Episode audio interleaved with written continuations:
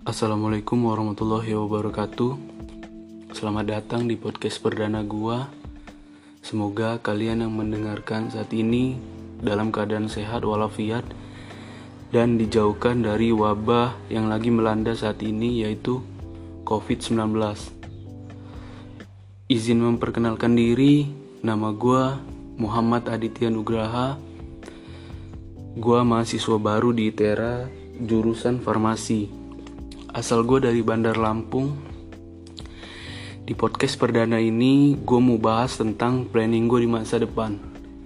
Ngomong-ngomong tentang masa depan, menurut gue, masa depan itu adalah kehidupan yang akan kita miliki di masa yang akan mendatang, atau bisa juga keinginan seseorang untuk merubah kehidupan yang lebih baik di masa yang lampau atau di masa sebelumnya.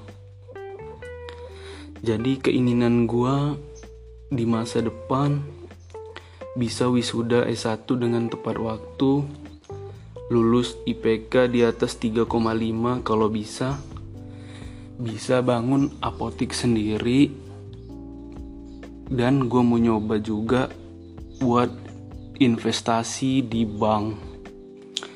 Yang terakhir gue pengen pergi bersama kedua orang tua gua ke tanah suci untuk menjalankan ibadah haji.